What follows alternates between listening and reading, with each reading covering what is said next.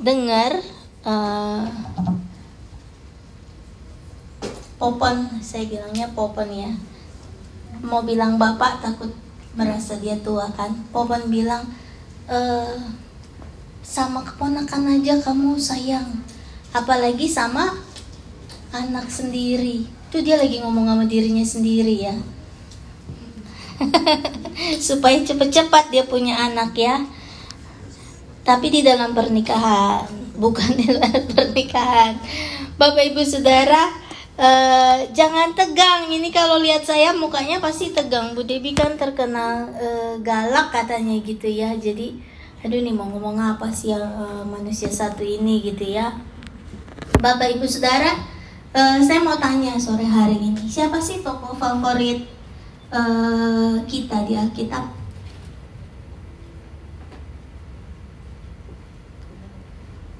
Oke, okay, Daud, uh, Bella deh, mana minum boba lagi. enggak, enggak. Siapa Bella toko Alkitab yang kamu suka? Daud, waduh. Uh, Melisa?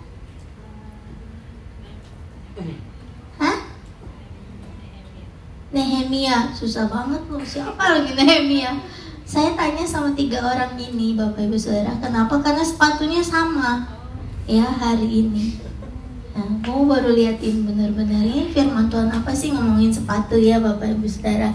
Uh, tokoh yang kita suka macam-macam ada Daud ada Nehemia walaupun mungkin kita pikir siapa sih Nehemia? Nah, hari ini saya mau bicara tentang Yusuf. Ah ibu mau ngomongin apa sih soal Yusuf? Begini Bapak Ibu Saudara, dalam kehidupan kita, kita sering merasa begini nggak? Aduh, untung gua anak Tuhan. Maaf nih, saya ngomongnya pakai gua-gua ya. Maklum, untung gua anak Tuhan. Kalau bukan anak Tuhan, ya, pernah rasa begitu? Ngaku loh ini Bapak Saudara, jangan bungong-bungong begini. Pernah gak ngerasa dalam hidup kita, untung aku anak Tuhan, untung gua Kristen gitu ya. Untung aku Kristen, kalau enggak, ah, selesai nih orang. Pernah ngerasa gitu nggak? Hmm. Makin kencang Bapak Ibu Saudara manggut makin tanda itulah bahwa betapa besarnya duka di hatimu. betapa besarnya luka di hatimu ya. Firman Tuhan hari ini bicara tentang dari duka menjadi kemuliaan ya. E, bulan ini gereja kita bicara tentang kemuliaan Tuhan ya.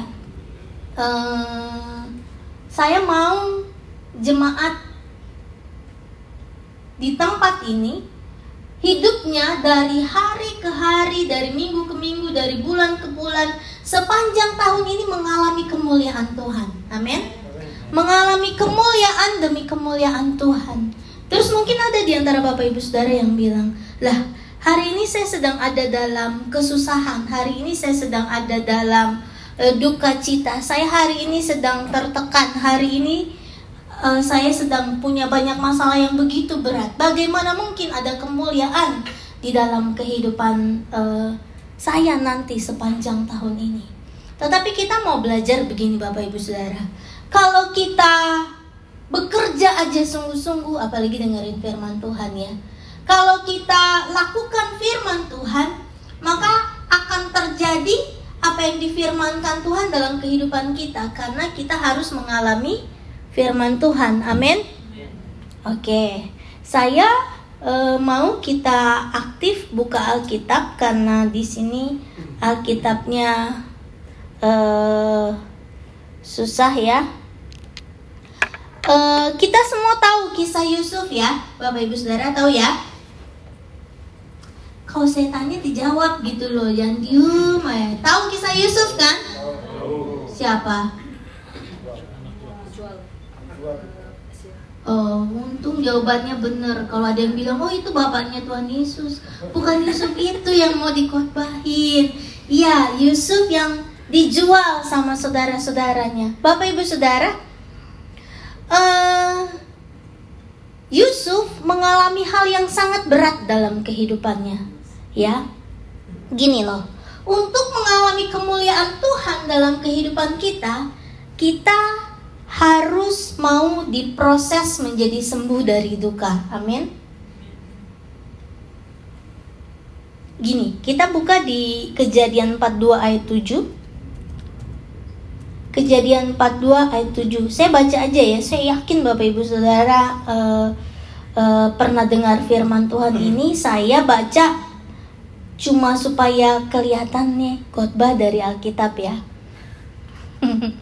Ketika Yusuf melihat saudara-saudaranya, segeralah mereka dikenalnya. Tetapi ia berlaku seolah-olah ia seorang asing kepada mereka. Ia menegur mereka dengan membentak katanya, "Dari mana kamu?" Jawab mereka, "Dari tanah Kanaan untuk membeli bahan makanan."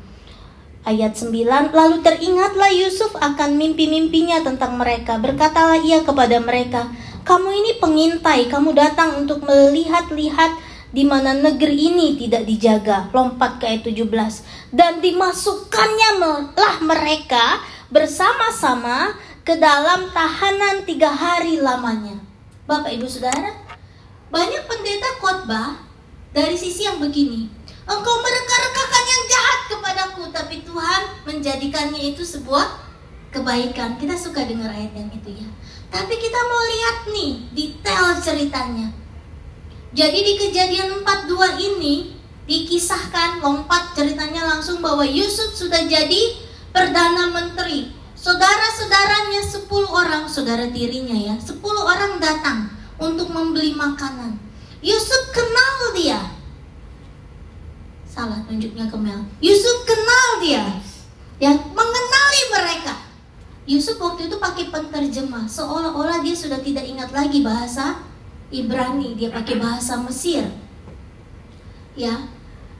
Jadi ketika dia lihat, eh aku kenal. Waktu itu saudara-saudaranya udah gak kenal. Kenapa? Karena Yusuf udah jadi perdana menteri, udah lagi nggak pakai Zara and H&M, tapi pakai Nah itulah. Lalu berberry artificial kecuali gitu. Makin mahal kan tuh merek makin susah disebutnya kan? Udah tidak dikenali. Bahasanya pun berbeda Tidak dikenali. Tetapi orang yang pernah dilukai Orang yang pernah berduka Orang yang sedang menghadapi sakit penyakit Masalah dan sebagainya Dia tahu siapa yang pernah menyakitinya Dia tahu bahwa siapa yang membuat dia ada dalam permasalahan sebegini besar. Betul apa enggak? Hmm. Yusuf tahu. Maka itu ketika dia lihat, dia bentak. Berapa kali sih Yusuf dibentak waktu dia kerja di rumah Potifar? Enggak kehitung berapa kali sih uh, Yusuf mengalami uh, cercaan di dalam penjara? Banyak kali. Maka ketika dia lihat orang ini yang jual gua nih saudara tiri lagi kan oh iya gitu kan dia bentak kemudian apa dia masukkan dalam penjara hey Yusuf gak langsung sembuh dan lang langsung bilang sama saudara-saudaranya kamu mereka-rekakan yang jahat tetapi Allah membuat itu menjadi kebaikan gak langsung begitu coy ada prosesnya Ternyata ketika saudaranya datang untuk membeli makanan, Yusuf nih bentak. Ada luka yang harus dia keluarkan. Kemudian, oke, okay, saya masukin dia. Kamu sepuluh sepuluhnya ke penjara, dimasukin loh ke penjara. Walaupun tiga hari. Yusuf di penjara berapa tahun?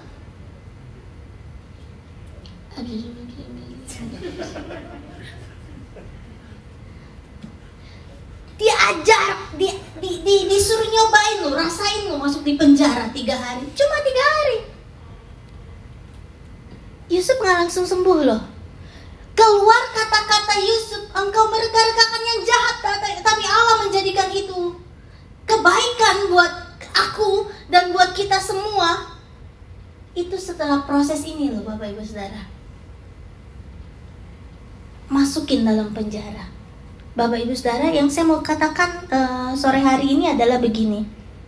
Kalau saudara sekarang lagi sakit hati, it's okay. Kalau saudara lagi marah, nggak apa-apa. lagi kesel, it's okay. Lagi ngerasa gagal, nggak apa-apa. Lagi ngerasa ditinggalkan sama Tuhan, it's okay. Kalau lagi merasa terluka, nggak apa-apa. Yusuf juga begitu kok, nggak apa-apa. Sempat di tengah-tengah kekuasaannya, dia kan jadi apa tadi saya bilang perdana, jadi perdana menteri. Dia mau masukin ke penjara, dia mau cincang-cincang tuh sepuluh saudara tirinya, boleh nggak? Boleh. Kekuasaan ada di tangannya. Dia mau hancurin, boleh. Dia mau interogasi sedetil-detilnya, boleh. Punya luka boleh, tapi nggak boleh lama-lama. Makanya kenapa dimasukin ke penjaranya cuma tiga hari. Jadi hari ini bilang coba sama sebelahnya, boleh marah kok, boleh sakit hati kok, boleh kecewa kok, tapi jangan lama-lama. Jangan lama-lama, jangan sampai bilang aku marah, aku kecewa. Sampai 10 keturunan gak mau akan aku maafin. 8 panjakan, tiga tikungan, semua disebut. Jangan lama-lama. Bilang lagi sama sebelahnya, tapi jangan lama-lama. Iya, boleh marah, jangan lama-lama. Alkitab bilang boleh marah nggak? Boleh, asal jangan matahari terbenam. Artinya apa? Jangan sampai gelap mata. Kayak kasus yang di Indonesia tuh pukulin istri sampai berdarah, ya.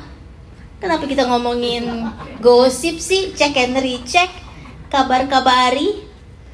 Nggak begitu, jangan sampai padam Gitu. Nah, berikutnya gini.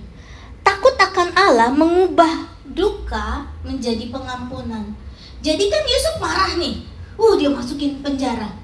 Tapi setelah itu dia berpikir bahwa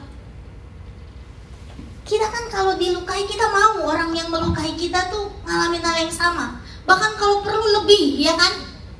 Eh, uh, gitu. Jadi saya sering dengar nih kata-kata begini. Saya tahu kenapa Popon merasa sedih keponakannya ditaruh di Springfield, kerja di Springfield. Dulu dia pernah loh. uh, begitu. Uh, kerja, tidur di tempat yang gak nyaman gitu ya. Pernah mengalami itu. Puji Tuhannya dia seperti Yusuf ups gitu ya. Keren bener puji-puji ntar kita banting ya. Puji Tuhannya dia seperti Yusuf nggak seperti orang lain yang bilang ah baru datang ya? Kerja kebun dulu sana. Jongkok-jongkok dulu 10 km bolak-balik gitu. Biar belajar. Belajar dari Hong Kong. Biar rasain biar dibentuk biar karakternya yang hidup. Karakter karakter apa? Balas dendam itu makanya Yusuf cuma penjarain 10 saudara tirinya tiga hari aja. Nggak seperti dia yang bertahun-tahun, tujuh tahun lebih. Cuma tiga hari aja. Kemudian apa? Dia berpikir untuk mengampuni. Bapak ibu saudara saya mau kasih tahu. 10 saudara tirinya ini yang sepakat untuk membunuh Yusuf dilucuti pembunuhan berencana dipotong kambing darahnya di kucurin ke jubahnya, jubahnya dibawa pulang ke bapaknya, dibilang bapak ini lo udah meninggal, ini darahnya kita nggak bisa selamatin gitu. Kemudian Ruben adiknya bilang, adik tirinya bilang, e, udah jangan dibunuh kita jual aja, masukin ke sumur kering aja dijual. Semuanya itu Yusuf tahu. Kehidupan kita akan terus-menerus ada dalam duka, kalau kita tidak mengubah duka itu menjadi pengampunan. Yusuf mengampuni, ya.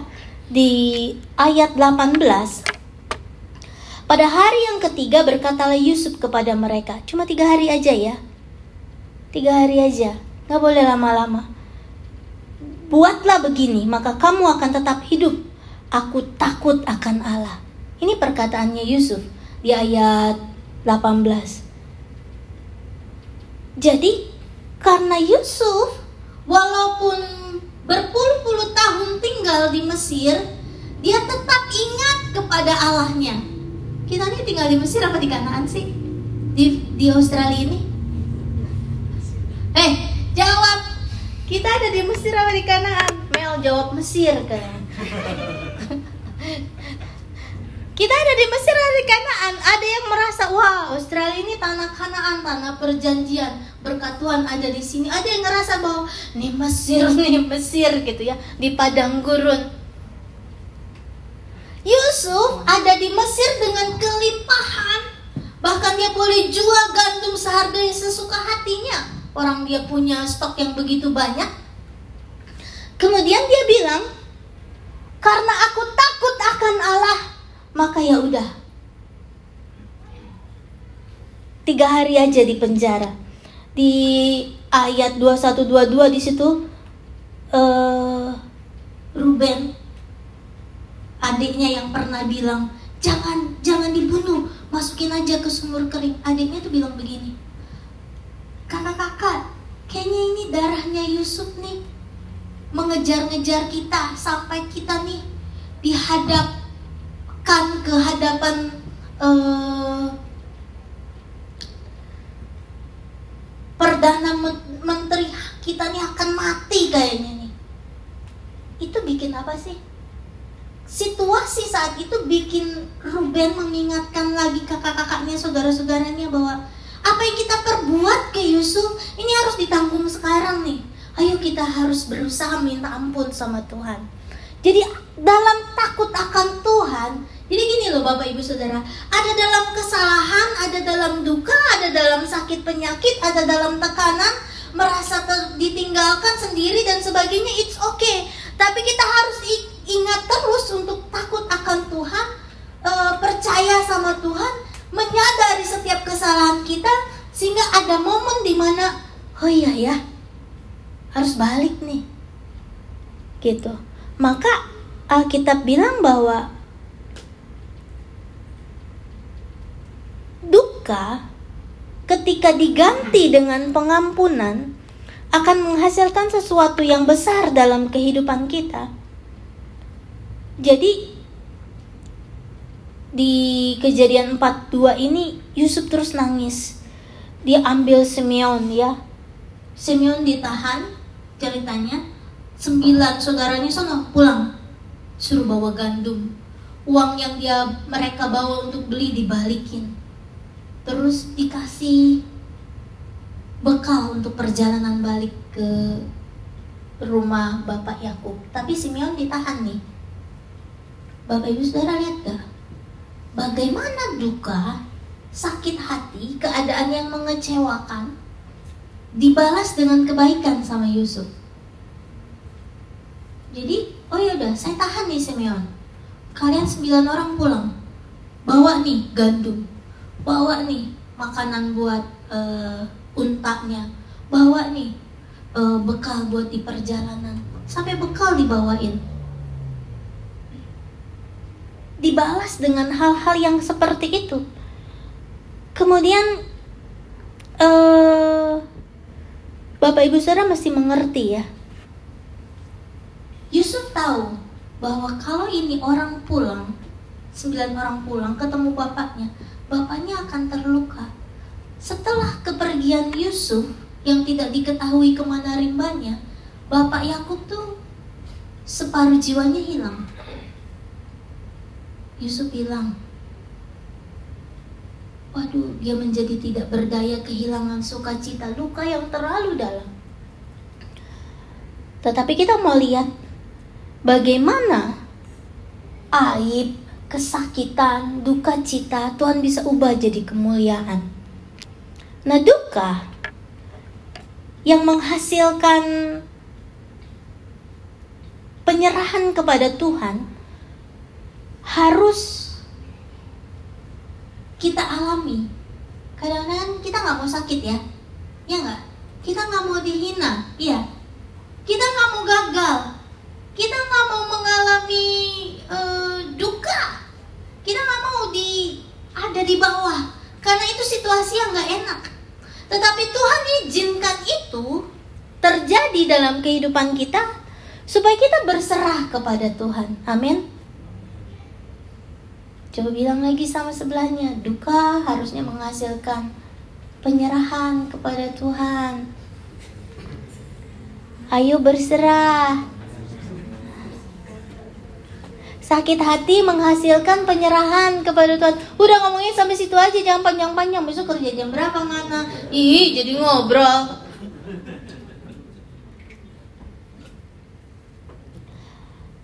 Kita lihat di kejadian 43 ayat 14. Alkitab bilang Allah yang maha kuasa kiranya membuat orang itu menaruh belas kasihan kepadamu supaya ia membiarkan saudaramu yang lain itu beserta Benyamin kembali. Mengenai aku ini terpaksa aku kehilangan anak-anakku, biarlah aku kehilangan. Ini loh Bapak Ibu Saudara. Kan ceritanya sembilan saudaranya Yusuf ini udah pulang, ya kan? Bawa gandum dan sebagainya. Mereka pulang, mereka bilang, Pak, katanya Perdana Menteri di Mesir, itu Simeon ditahan di sono. Nanti kalau mau balik, harus bawa si Benyamin. Benyamin ini siapa sih? Adik kandungnya Yusuf. Sepuluh yang tadi saudara tiri. Dia cuma bersaudara kandung dua. Yusuf dan Benyamin. Mau ketemu Benyamin adik kandung. Itu loh kayak si Pink sama ya Tuhan lupa namanya. Vivi. Bapak Ibu Saudara maaf ya saya suka lupa-lupa. Saudara kandung gitu. Jadi bapaknya marah. Enggak enggak usah tapi ketika makanan sudah habis gandum udah habis bapaknya bilang ya udah deh bawa deh Benyamin sana biarlah perdana menteri itu menaruh belas kasihan Biarlah Allah menaruh belas kasihan dalam hati Perdana Menteri itu sehingga anak-anakku boleh dikembalikan. Gitu katanya Bapak Yakub. Jadi kalau kita mau menggantikan duka, menggantikan aib, menggantikan sakit penyakit, menggantikan sakit hati kita dengan berserah kepada Tuhan, Tuhan akan ganti itu menjadi sukacita. Amin. Jadi jangan dibuat jadi dendam, dibuat jadi marah, dibuat jadi kecewa, sakit hati, marah. Walaupun kita mau mengumpulkan harta, kumpulkan itu dalam penyerahan akan Tuhan, bukan dalam sakit hati. Ada banyak orang sampai di Australia karena gue sakit hati. Gue mau kasih tunjuk gue berhasil di Australia. Ya elah.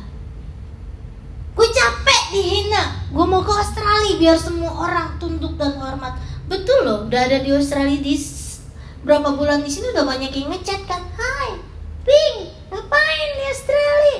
Ping, udah bagus nih tasnya. Gitu. Eh, Pupun, mobilnya baru nih gue lihat-lihat. Gitu.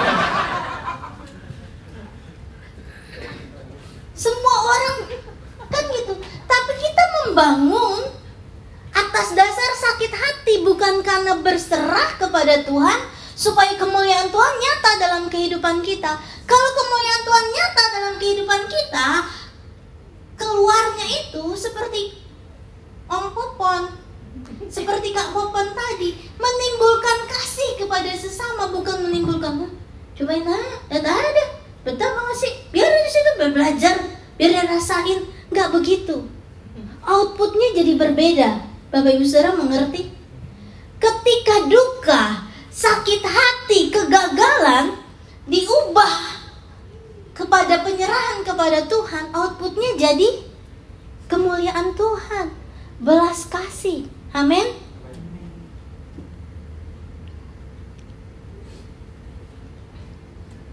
Sehingga betul loh ketika ini kan saya ceritain singkat-singkat ketika sembilan saudaranya tuh balik lagi bawa si Benyamin. Waduh, rasanya ketakutan. Bapaknya tapi pinter. Wow uang yang dulu ditaruh dibawa lagi balik. Hebat loh Yakub no. Oh dibalikin ya duitnya. Udah disimpan kan apalagi emak-emak kan anaknya dapat ampau nih hari ini mana tuh? Si Zizi. Kok ada yang kasih ampau hari ini? Mami simpan mami simpan. Gitu kan. Wah keluar lagi loh sampai tiga hari tiga tahun yang akan datang. Mami uang aku mana? Disimpan Zizi kata maminya gitu ya. Bella marah nih. Jangan marah Bella. Ini cuma contoh Bella. Saya juga dulu digituin sama mama saya. Sih mama sih nanti hilang simpen nggak dibalik-balikin ya sampai imlek lagi gitu kan. Nah uh, Bapak Yusuf ini dia balikin lagi. Mem memperlihatkan bahwa aku berduka kehilangan Yusuf dan sekarang anakku Benyamin juga dibawa ke sana. Aduh Simeon juga belum udah ada ditahan di sana. Aduh gitu ya. Tetapi dia tahu bahwa apa yang terjadi dalam kehidupannya ketika kehilangan Yusuf terus Simeon ditahan sampai makanan habis. Sekarang Benyamin dibawa lagi. Ada dalam luka ketakutan. Eh, rasa aduh di Alkitab bilang kalau sampai Benyamin juga nggak balik sama Simeon mati aja deh gue. Itu ditulis di Alkitab. Nanti bapak ibu saudara baca sendiri ya Kejadian 42 sampai 43 banyak banget bu sampai dua pasal. Ya terserah lah ya, mau baca juga nggak apa-apa.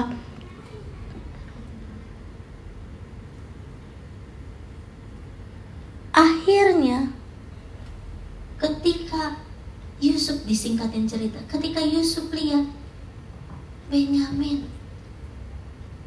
hatinya hancur Bapak Ibu Saudara. Dia bilang, oh dia tahan air matanya seperti tadi Popo nahan air mata waktu cerita ya.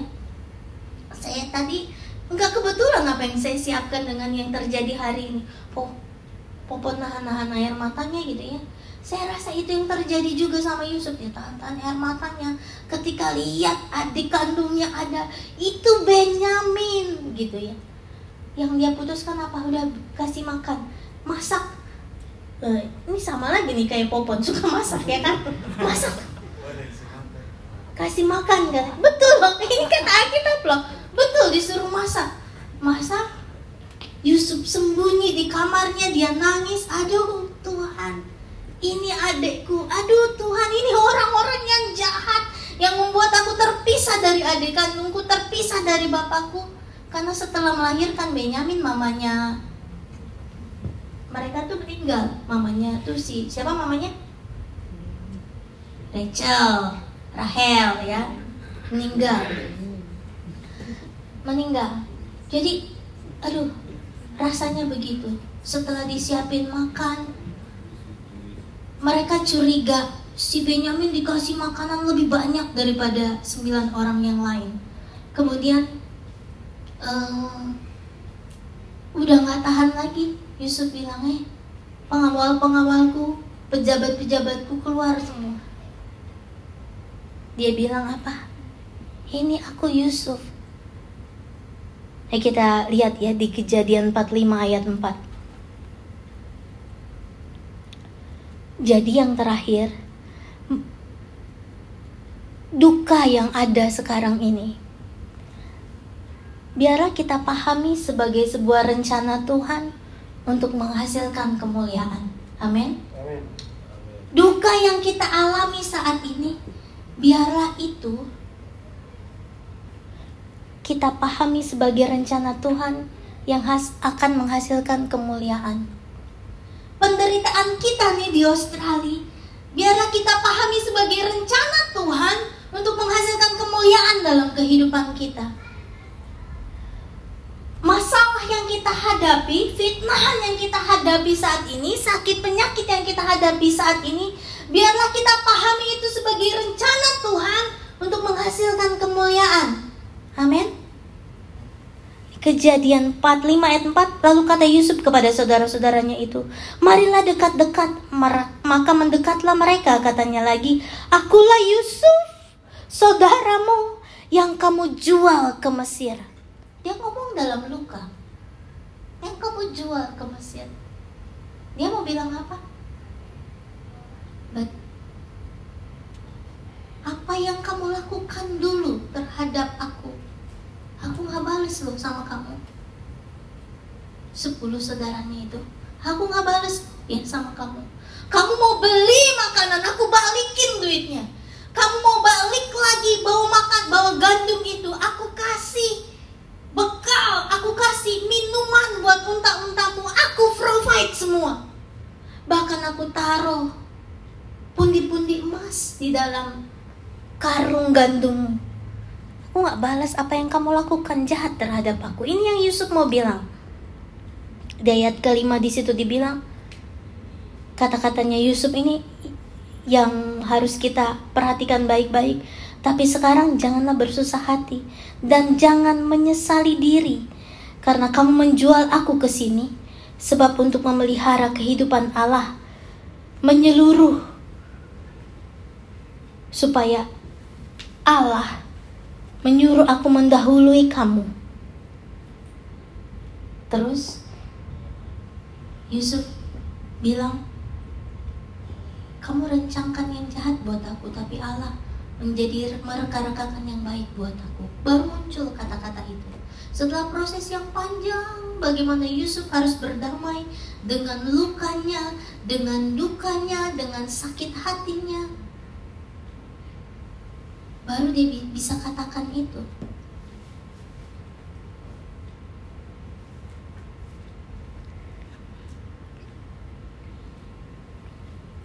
Aku dijual, aku dijual supaya aku mendahului kamu ke Mesir, supaya nggak ada satu kekurangan yang baik dalam kehidupan keluarga kita nantinya.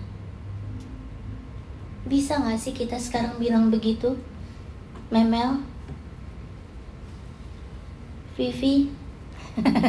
Saya ingatnya dua nama itu aja ya. Bisa gak kita bilang begitu? Harus bisa. Terus dia bilang, oke, okay, sekarang kamu pulang. Jemput papa kita, bawa kereta yang bagus. Terus dia bilang begini, kita lihat ya di ayat yang ke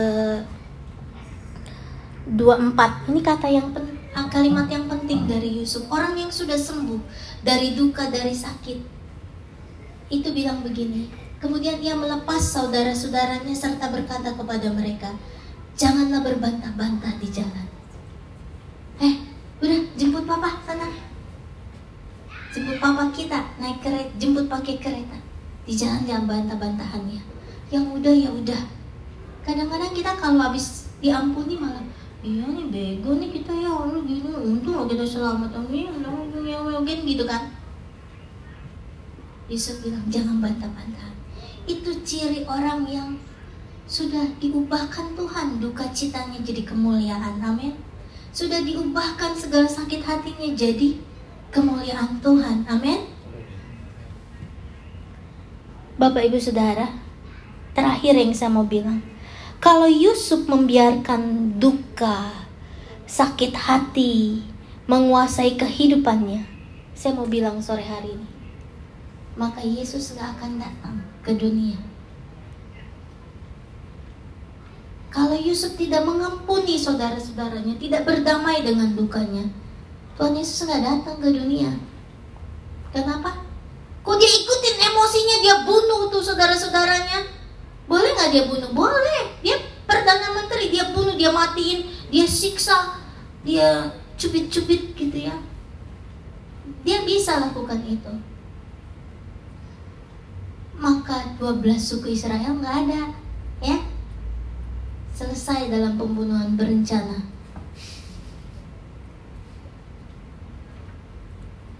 Yesus nggak lahir dari keturunannya, Abraham, Yusuf, Yakub nggak ada.